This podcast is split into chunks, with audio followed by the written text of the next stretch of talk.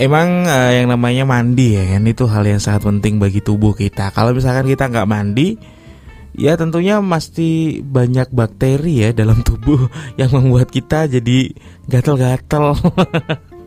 Rasanya tuh lengket semua tau gak sih?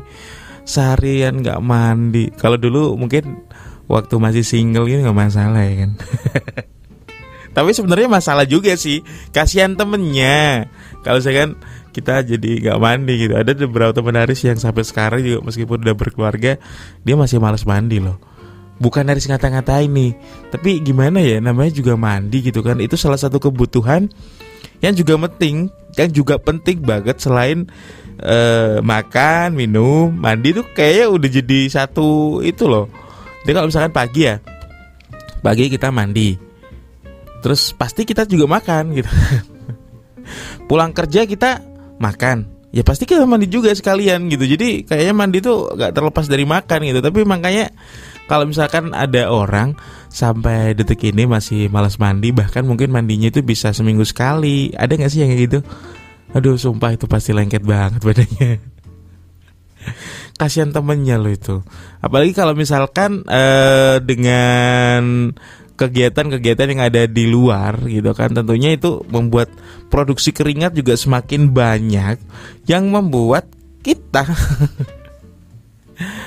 baunya jadi ke mana-mana gitu. Makanya penting banget yang namanya mandi. Nah yang kita tahu sih mandi pakai air ya kan? Ya mandi pakai air udah lumrah gitu. Uh, pakai sabun terus kemudian uh, mandi pakai air nanti dibilas lagi pakai air lagi gitu habis sabunan ya itu udah normal gitu tapi apa jadinya ketika kita mandi tapi mandinya tuh mandi sinar ultraviolet. Nah, jadi kejadian ini emang beneran ada nih di Rusia. Di Rusia bagian utara. Ini kan ceritanya uh, faktanya, faktanya punya cuaca yang sangat ekstrim dinginnya. Bahkan sinar matahari itu malu-malu buat ngintip aja tuh malu. Jadi, aduh, di Rusia nih ah nggak jadi ya? Nggak jadi mereka terbit itu nggak jadi gitu kan. Jadi saking kurangnya sinar matahari di sana untuk itulah mereka menggantikannya dengan sinar ultraviolet buatan agar anak-anak mendapatkan asupan vitamin D. Jadi mereka sengaja bikin alat gitu. Terus kemudian anak-anak disuruh uh, membuka bajunya membuka celananya terus kemudian disinarin sama yang namanya sinar ultraviolet bikinan Tujuannya uh, agar nantinya si anak-anak ini nggak kekurangan namanya asupan vitamin D yang biasanya kita dapatkan secara gratis ya. Kalau di Rusia mau nyari vitamin D harus bayar. Kalau di Indonesia vitamin D bisa kita dapatkan gratis dari sinar matahari. Tuh makanya kurang enak gimana coba tinggal di Indonesia ini. Gitu orang kok masih apa sih Indonesia tuh semua serba mahal eh tunggu dulu tunggu dulu ya kan? Kita belum tahu Rusia nih. Rusia nih jarang-jarang ada sinar matahari. Mereka mau kena sinar matahari aja harus bayar. Bikin alat biar menggantikan sinar matahari tadi. Ya biar ada ultraviolet yang masuk dalam tubuh terus kemudian nanti menjadi vitamin D tadi gitu kan. Tim ilmuwan Rusia sedang mengembangkan pengobatan untuk pasien terinfeksi virus menggunakan yang namanya sinar ultraviolet tadi yang dimasukkan ke dalam tubuh. Dan salah satunya nggak cuma buat pengobatan aja tapi emang sengaja digunakan untuk sehari-hari gitu. Tapi ini masih masih dalam pengembangan sih. Metode ini memang punya risiko bahaya ya bagaimanapun bikinan gitu kan ya nggak be, ya beda lah dengan yang alami. Toh sinar matahari juga sama aja sebenarnya kalau misalkan uh, kita dapatkan secara berlebihan itu juga berbahaya buat kulit kita gitu sebenarnya. Kalau misalkan kita misalkan uh, berjemurnya di atas jam 12 gitu itu bahaya kalau keseringan gitu. Tapi kalau uh, untuk yang satu ini Presiden Amerika Serikat bahkan Donald Trump justru mempromosikan tentang mandi pakai sinar ultraviolet. dan bahkan menyarankan penggunaan sinar ultraviolet di dalam tubuh untuk mengobati dan memastikan virus.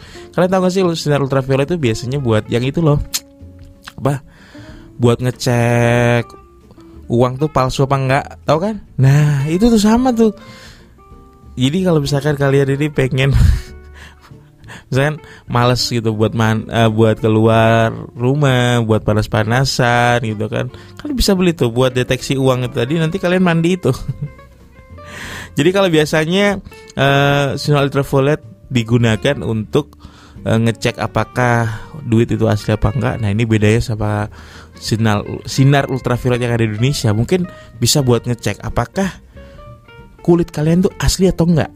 Atau udah terlalu banyak uh, skincare yang masuk ke dalam kulit kalian.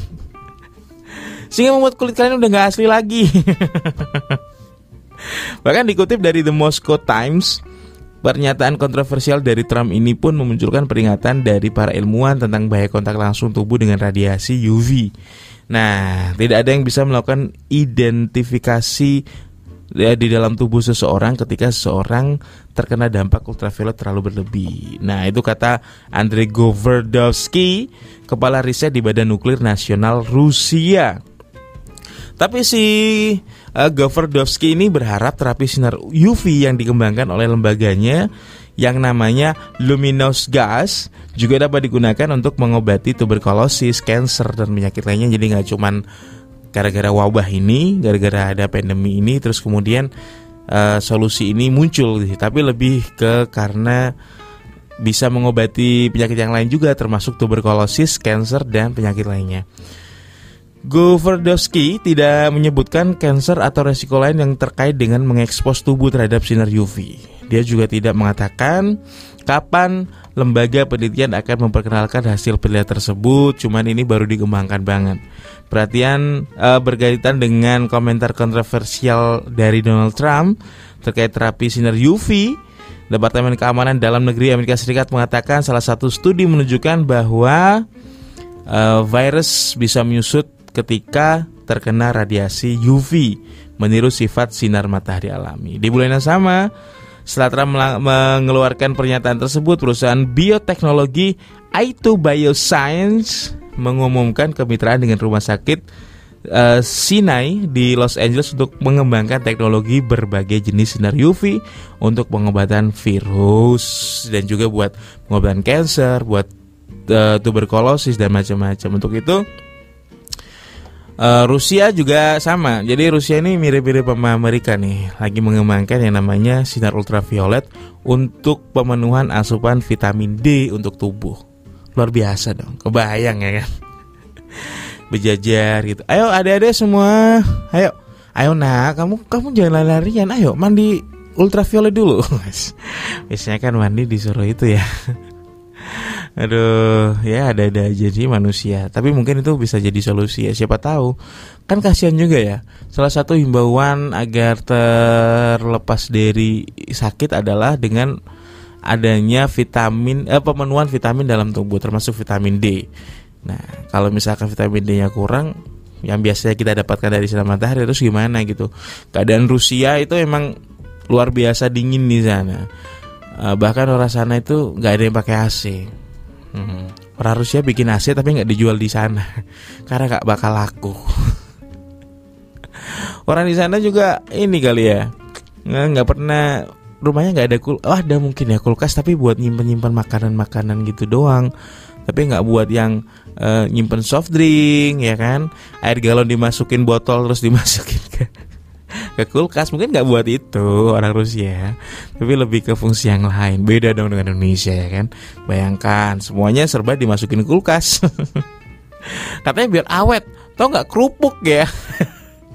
Kerupuk yang udah melempam dimasukin freezer dong. Biar lebih renyah katanya. Ada-ada aja orang Indonesia